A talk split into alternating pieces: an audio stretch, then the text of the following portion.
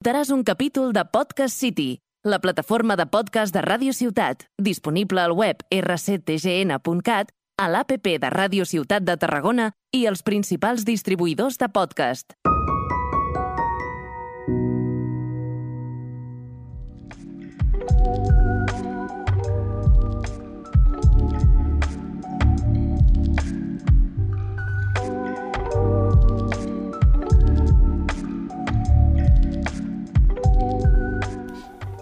Bon... Buenos días, buenas tardes y por si no nos podemos ver luego, buenas noches. Bienvenidos a Una entrada doble, un programa presentado por yo, TJ Calvet y Jordi Aldave. Buenos días. Buenos días, Jordi. ¿Cómo ¿Qué- estás? Mejor, ¿no? Después del primer programa. Sí, más relajado, más liberado. Parece que hace años, ¿eh? Del primer programa. Exacto, aquellos días. Bueno, ¿quién tenemos hoy? Hoy con tenemos nosotros? un invitado, eh, Paul Freixes. Hola, buenas. futuro director de cine y actualmente sonidista en un montón de cortos. Sí, soy un sonidista en potencia, sí. Bueno, pues va a ser uno de los temas de los cuales vamos a hablar hoy, en la sección que vamos a empezar ahora de roles invisibilizados en el cine. Es una sección en la cual yo y Jordi vimos que en muchas películas hay ciertos roles de los cuales la gente no suele o tener constancia de que están o suelen en el propio rodaje ignorar o menospreciar. Y al final son una parte más de, de todo el rodaje que sin ellos no saldría la película. Exacto, y una de las más importantes y a la vez una de las más discriminadas suele ser el sonido. Dado que lo que creamos es audiovisual y la palabra audio es la primera, ¿qué opinas acerca de cómo se trata a los sonidistas? Bueno, sí, el mundo de los sonidistas es un poco complicado. Ya para empezar, si tú preguntas a alguien por la calle, dime el nombre de cinco directores, te los pueden decir. Directores de fotografía, te lo podrían llegar a decir. Dime cinco nombres de sonidistas. Ni idea. El tuyo, Paul Freixas. El mío. Nada, a ver, el rol de. El tema del sonido es complicado. Porque ya dentro del cine, que es un mundo también muy creativo, que quieres inventar, quieres innovar, el- el- la base del de, sonido directo, que es lo que hago yo, que es captar el sonido en, en los sets, en los rodajes, ¿no? Al final se reduce siempre siendo lo mismo y no tienes ese margen creativo y entonces ya se da por sentado ¿no? unos conocimientos y unas aptitudes de, pues, que ya ni siquiera se te consulta ciertas propuestas ¿no? de, creativas de, de la producción. Sobre eso, ¿tienes alguna anécdota a contarnos? Bueno, anécdotas hay muchas.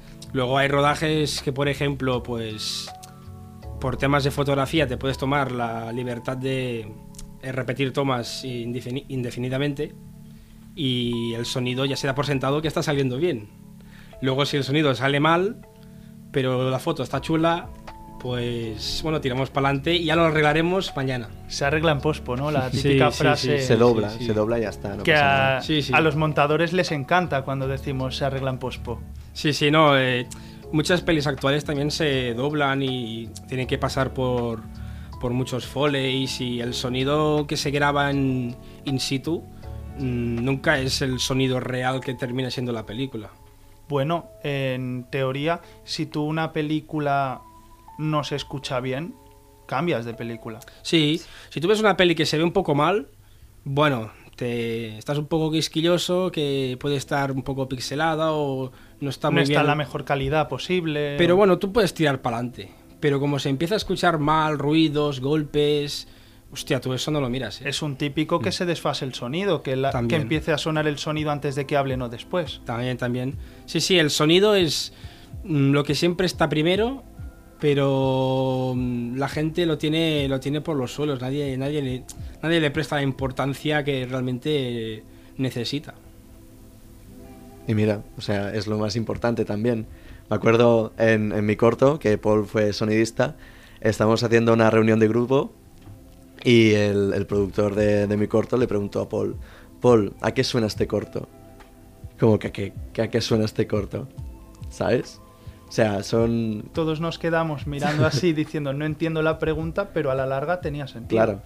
O sea, o sea es, es al final esta parte artística también, ¿no? De las que hablábamos que a lo mejor hay más limitación en el sonido, pero es, es una pieza muy importante el sonido. Sí, y también es esto incluso a nivel amateur, más a pequeña escala lo ves cuando hay concursos o gente hace grabaciones con el móvil, un corto, un- lo que sea, cualquier tipo de cosa.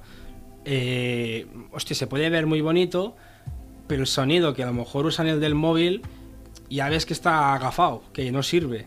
Porque ya, ya, ves, incluso a nivel ya de individuo, que la gente cuando tiene que hacer cosas audiovisuales del tipo que sea, el sonido, mm, o por falta de conocimiento o de interés, no le prestan la atención que necesitaría.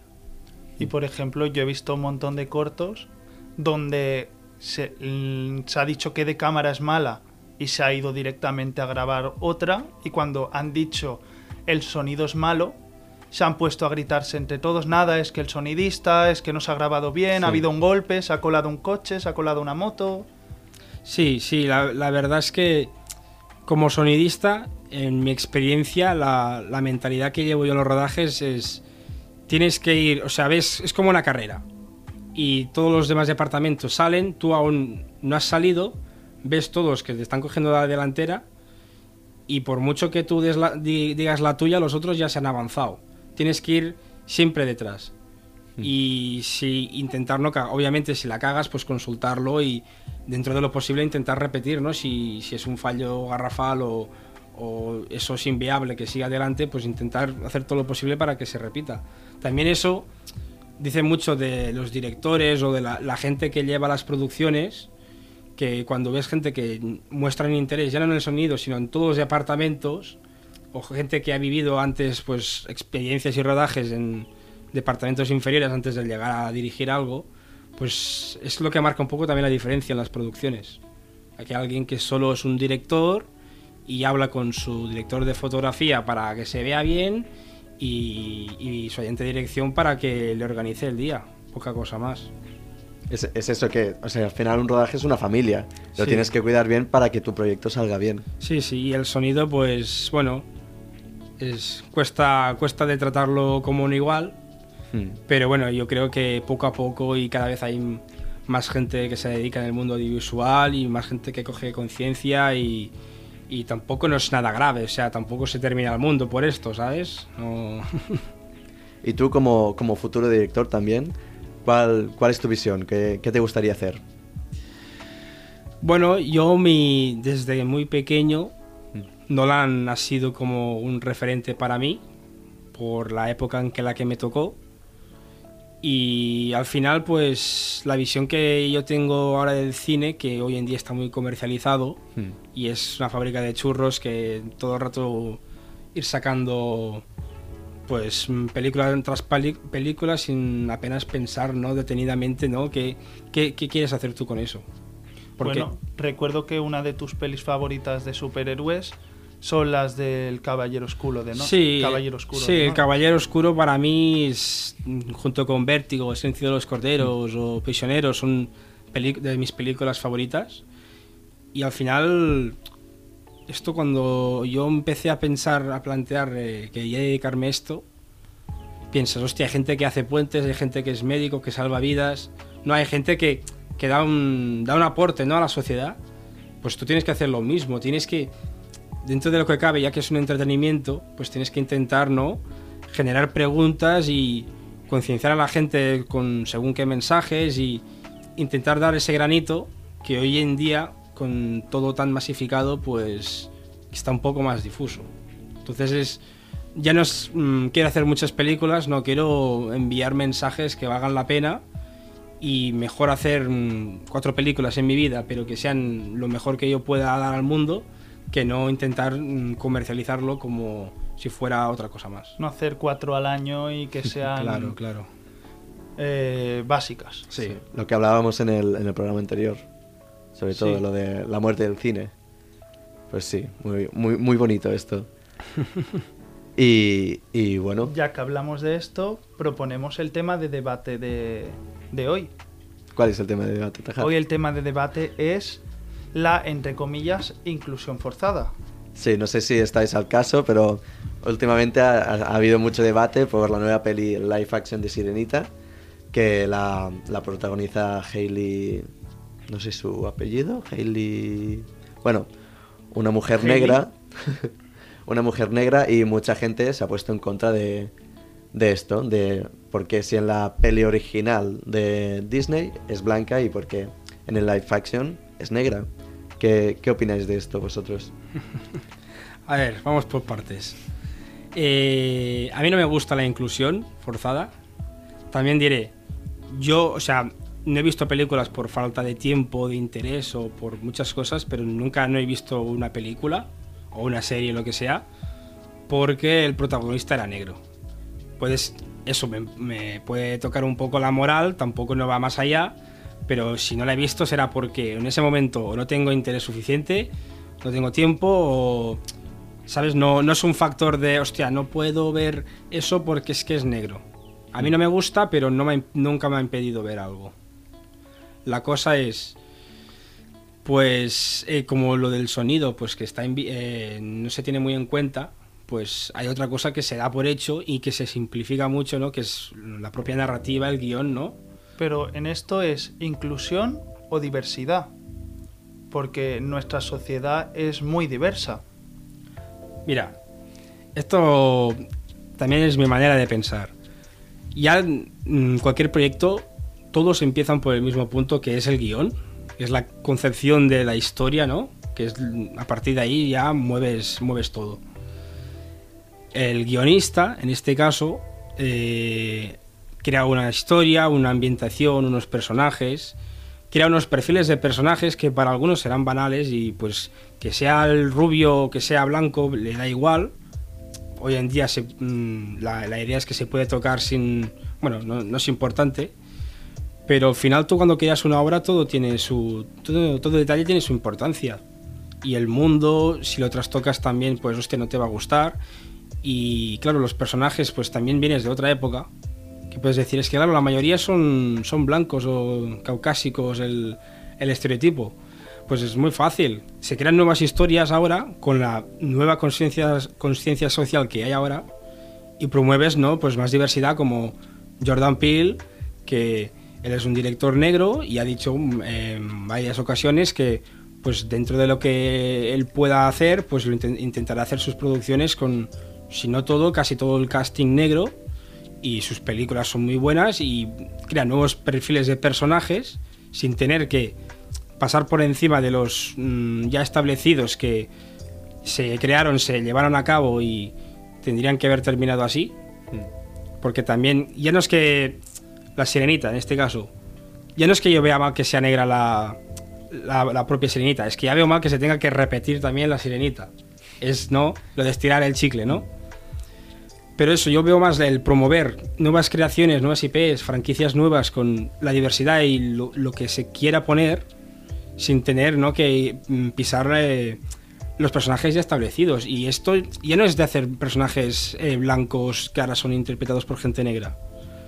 Viceversa, o sea, esto ya no es una cosa racial, es un Blade, ahora con la inclusión un Blade, que es el cazavampiros, que es negro. Si ahora lo hicieran una versión con un actor blanco, hostia, no me gustaría. Porque el personaje se ha creado con un. Bueno, el color, los ojos, los poderes, lo que sea, se- todo, todo se ha pensado. Se ha dedicado más o menos tiempo, pero se le ha dedicado tiempo. Sí, pero por ejemplo a Aquaman en los cómics y, bueno, es, es blanco, pero en el live action es Jason Momoa que es negro.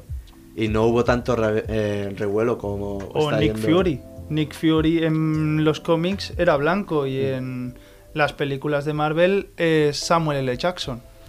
Sí, a ver, yo a veces ves cosas que te... También depende mucho, pues, el, interés que tengas tú en el personaje, ¿no? Porque a lo mejor ves otro personaje y no te interesa y pasas de ello. También, si tuvieras que estar pendiente de cada personaje que se le ha cambiado un pelo, mm, es que estarías todo el día irritado. Ya, pero por ejemplo, yo lo que opino es. Se puede considerar que hay inclusión forzada, pero también hay exclusión eh, forzada y en la misma película. Eh, Por pongo el ejemplo de Úrsula. Úrsula, desde que se creó el personaje, tengo aquí el nombre del director, pero no lo encuentro. Eh, desde que se creó el personaje, eh, se basó en la drag queen Divine. Mm. Todo el personaje fue creado en- con su aspecto físico, con sus muletillas, con todo. Y no se le llegó a proponer a Divine el papel, pues porque desgraciadamente murió previo a antes de que contactaran con ella, pero ellos ya dijeron que tenían planeado que ella fuera la voz. Y en muchos países quien ha interpretado a Úrsula son personas tra ah, y son drag queens. Yo creo que esta película era perfecta para que una drag queen interpretara a Úrsula. Y no lo, ha, no has- no lo ha Lo hecho hace Melissa McCurdy, creo que es. Y que no es lila. Y tampoco es lila, ni es Ya, pulpo. es Le faltan no- unos cuantos tentáculos, ¿no? No, pero a ver, y. O sea que el, el- el perfil del personaje, pues una- un poco es el- toda la apariencia física y psicológica ¿no? del personaje. Que, pues, de la misma manera que si un personaje en teoría es un introvertido y tú lo haces un extrovertido, eh, chulo, guay, pues también te toca la moral. Pues lo que yo entiendo, pues me molesta lo mismo de si lo cambias de color o de raza o de lo que sea, de la misma manera que si trastocas su, su personalidad, ¿no? Es, no, o sea, al final cuando las relaciones entre las personas, pues tú te comunicas con alguien, pues que lo ves, ¿no? Con una apariencia y si tú creas un personaje y luego lo reconviertes, por lo que había dicho, porque mm, ¿qué problema hay en crear nuevas IPs ahora, ¿sabes? Bueno, podemos considerar que el personaje es una nueva IP. Di- directamente. Se llama igual, pero es otra actriz, canta otras canciones, vive el personaje, supongo que en su película, cosas diferentes. Bueno, pero claro, eh, ¿esto por qué se hace? Lo de ahora racializar los personajes y cambiarlos. Esto es cuestión eh, eh, muy tema también político de que el quedar bien, ¿no? Y de vamos a incluir a todo el mundo, ¿no? Que también que, pienso yo, hostia, eh, es un poco raro, ¿no? Que todos los, vamos a generalizar, todos los personajes son blancos, caucásicos, europeos. Y al final, eh, aunque tú lo cambies, ¿no? O sea, tu base de la nueva película con el personaje racializado eh, recae en, hostia, nos hemos basado en personajes todos blancos. Tiene un poco, ¿no? El, por ejemplo, el, en Disney ahora, pues tienes pelis como Coco, Soul, que son, hay personajes que no son los, los estereotipos clásicos y que te pueden funcionar igual. Pero crear nuevas historias con nuevos personajes. Bueno, yo, sin ánimo de defender a Disney, que se puede defender solito, eh, Que venga yo- aquí y se defienda. ¿eh? Que venga aquí el señor Disney y que y se venga defienda. aquí y lo descongelen y venga. Eh, con- considero que ya se- con La Bella y la Bestia, que la que interpretaba a Bella era la Em- Emma Emma Watson. Watson, ahí se buscó mucho parecido con el personaje. Se enfocaron casi todo en encontrar una actriz que fuera lo más parecida a Bella. Consiguieron a Emma Watson, pero el problema que tenía es que Emma Watson es muy buena actriz, pero no tiene ni papa de cantar. Eh, ¿Qué problemas trajo esto? Que primero tuvieron que mezclar su voz con la voz de una cantante más autotune para todas sus canciones y tuvieron que poner autotune a todos los demás personajes, aunque no fueran necesarios, porque los otros sí sa- sabían cantar, pero para que no descuadrase con la voz de con las canciones de Emma Watson. Ahí se, prior- se priorizó buscar a una actriz parecida. En cambio, Hailey En cambio, Hailey canta bien y canta eh, hablando en plata de puta madre. bien. Es decir, yo he visto el tráiler y a esas notas conozco muy poca gente que consiga llegar. A lo mejor se ha priorizado en esta película la actriz más talentosa en lugar de la más parecida al personaje. Bueno, eh, en este caso, pues podríamos incluir en el perfil, ya que pues eh, son personajes que en esta peli cantan, ¿no?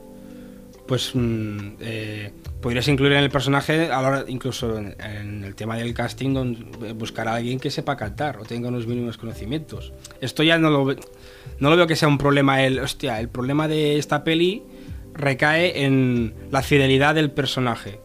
No, porque a veces hay películas que racia- racializan los personajes y también son malos actores o no tienen el perfil del personaje y la, y la cagan por dos. O por ejemplo, hace no mucho estuvo muy en las redes y en todos lados el micro beso de entre dos mujeres de la película La Guiar. Hostia, es verdad. Que era, no era ni 10 segundos. Sí, eh, Era, eso fue, eso sí que no fue, desde mi punto de opinión, no fu- yo no lo vi inclusión, lo vi representación. Hay parejas lesbianas, hay parejas heterosexuales, Sí, no, hay parejas de todos tipos y fue una pareja lesbiana. Sí, no, yo no, sé la, si está yo no la he dicho vi- pareja lesbiana.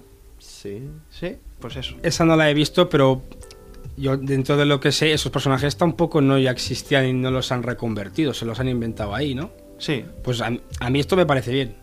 A mí el a mí lo que no lo que no me gusta, que ya, ya te digo, si se hace, pues pues mira, vas eh, tiras con ello, ¿no?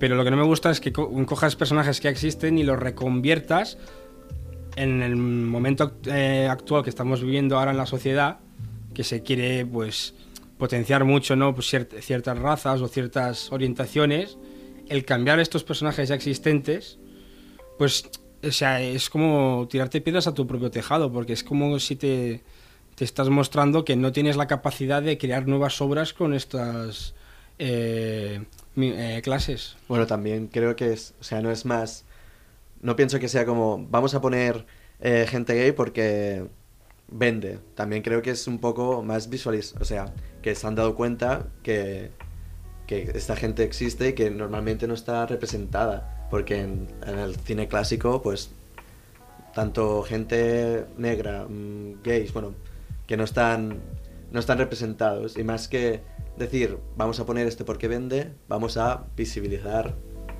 esta gente que es a ver, como todos nosotros. que vende, sí vende. Pero cuando antes el, el mayor público era hombres heterosex- heterosexuales blancos, ponían ese tipo de personajes porque obviamente también vendían. Hmm. Que venda o no, a ver, es obvio que si cuando hacen una película, si el amor al arte y ta ta ta, se busca el productor busca beneficios. Por, por eso no es mí- algo malo. A mí lo de la guía, no la, ni, ni la he visto, pero como esos personajes, o sea, no existían sus versiones blancas, por así decirlo, y heteros y las han reconvertido, como se los han inventado nuevos, a mí eso es que me, me parece perfecto. A mí. Y también pues fomentar un poco la, la nueva creación de nuevos personajes, porque esto también va atado un poco a, a estar haciendo reboots y reinvenciones de siempre la misma historia pues que es como un poco el, el por dos. Estás eh, racializando todo, cambiando los personajes y su, su origen, eh, y físicamente psicológicamente, como lo quieres cambiar. Y, y de paso encima estás haciendo la misma historia todo el rato que la- la- sí que la gente pues se sigue vendiendo, pero también yo creo que se está creando un poco de crispación que a, a la larga podría terminar con ciertos géneros actuales que están muy masificados. Porque Con en- eso en- te refieres concretamente al cine de superhéroes, ¿no? bueno, superhéroes es el principal, pero el cine ha tenido épocas. Ha tenido una- tuvo una época que los westerns eran 30.000 westerns siempre y estaban más puestos que nunca y luego pues mira hoy en día cómo están. Esto también va por épocas. Bien. Es un muy buen cierre del tema porque ahora vamos a jugar a un juego. He preparado un juego. Ay, madre mía. A ver. ¿Qué has preparado? Eh, en mi sección, hoy vamos a jugar a el cast perfecto. Vale. Es decir, voy a proponeros una película e iremos mirando los personajes. Yo lo he hecho Spanish Edition. Vale, yo... Pero Sí, yo de actores españoles sé ya sabes que, que... tú no dominas muchos actores españoles Hmm. y Paul sé por como me ha comentado antes que tampoco. Así que podéis decir actores internacionales. Yo me he preparado aquí una lista de los actores que a mí se me han ocurrido para interpretar a esos personajes, ¿vale? La película que he elegido es Hércules, que es una película infantil de animación producida por Walt Disney con la dirección de Ron Clements y que cuenta la historia de Hércules, el hijo de Zeus. Hostia, pues esta la tengo entre olvidada y ya ni me acuerdo de esta película, ¿eh? Pero estoy seguro que los personajes más o menos lo recuerdas. Y si no, yo tengo la lista aquí, preciosa, que te iré recordando. Vale, pero tengo que escoger entre actores que te has apuntado. No, tú tienes que hacer tu propia propuesta. Tú, como futuro director de cine que eres, te voy a decir un personaje y me tienes que decir a qué actor ves tú interpretando a ese personaje. Y tú, Jordi, Hostia, bueno, que sé que tampoco Con Hércules lo sabías, me pillas, ¿eh? igual. Con Hércules, esta peli me vas a pillar porque yo en la cabeza me viene Hércules y Hades. Pues ha sido por completo sorteo, no ha sido nada preparado. Eh, y así que los primeros personajes que tengo apuntados son las musas. Hostia, no, es que no. Os recuerdo que eran cinco y que cantaban. Eran las. ejercían de narradoras de la historia. No me, acu- no me acuerdo de Hércules. No me acuerdo de Hércules. Búscame otra, búscame otra. Pues yo, tú. yo, a ver, yo de las musas vi hace tiempo por Instagram un- una foto que las comparaba con, con cantantes como Beyoncé o Lizzo y creo que cuadrarían muy bien. Yo, como he hecho la versión Spanglish, ¿Sí? eh, pensé que pues, en lugar de cinco, yo las convertiría en tres. ¿Sí? Y para interpretarlas, contrataría a las Sweet California. A la Sweet California, no. Para cantar las canciones de. Hércules. Nah, ¿Cómo que no? No lo veo.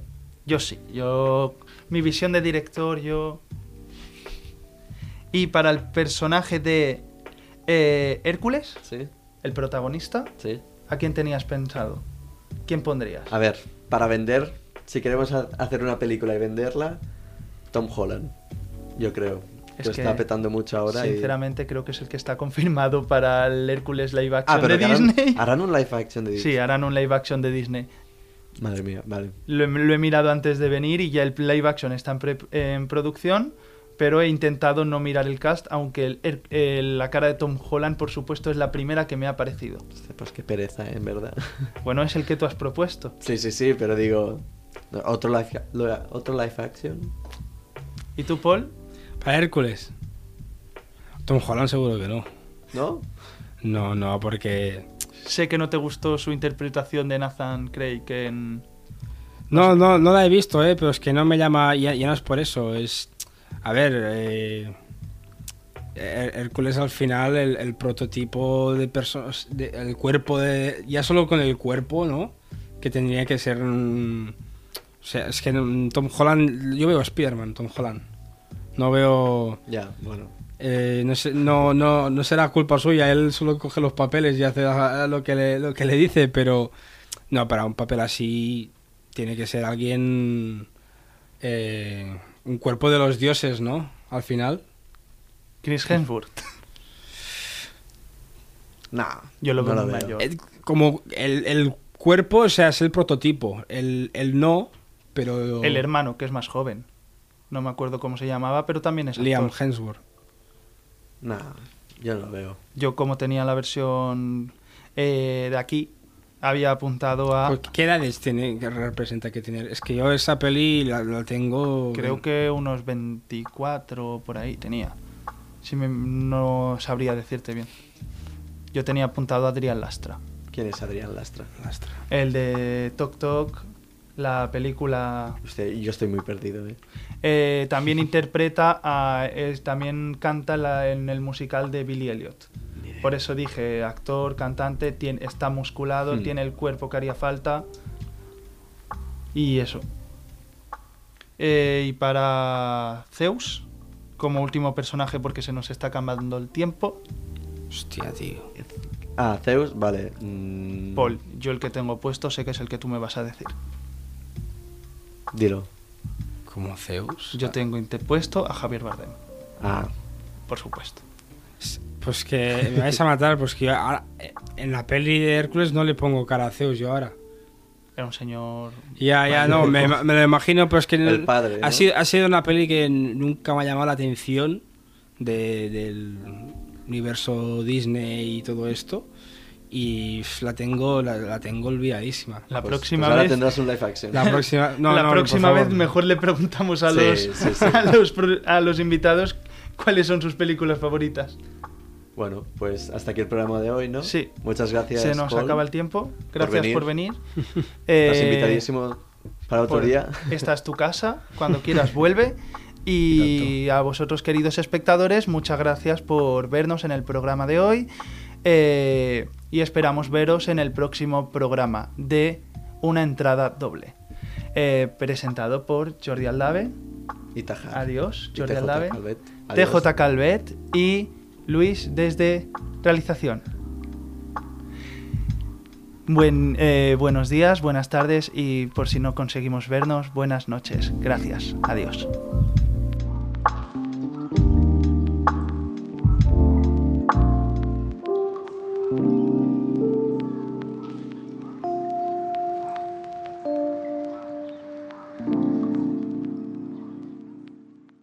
Has escoltat un capítol de Podcast City, la plataforma de podcast de Ràdio Ciutat, disponible al web rctgn.cat, a l'APP de Ràdio Ciutat de Tarragona i els principals distribuïdors de podcast.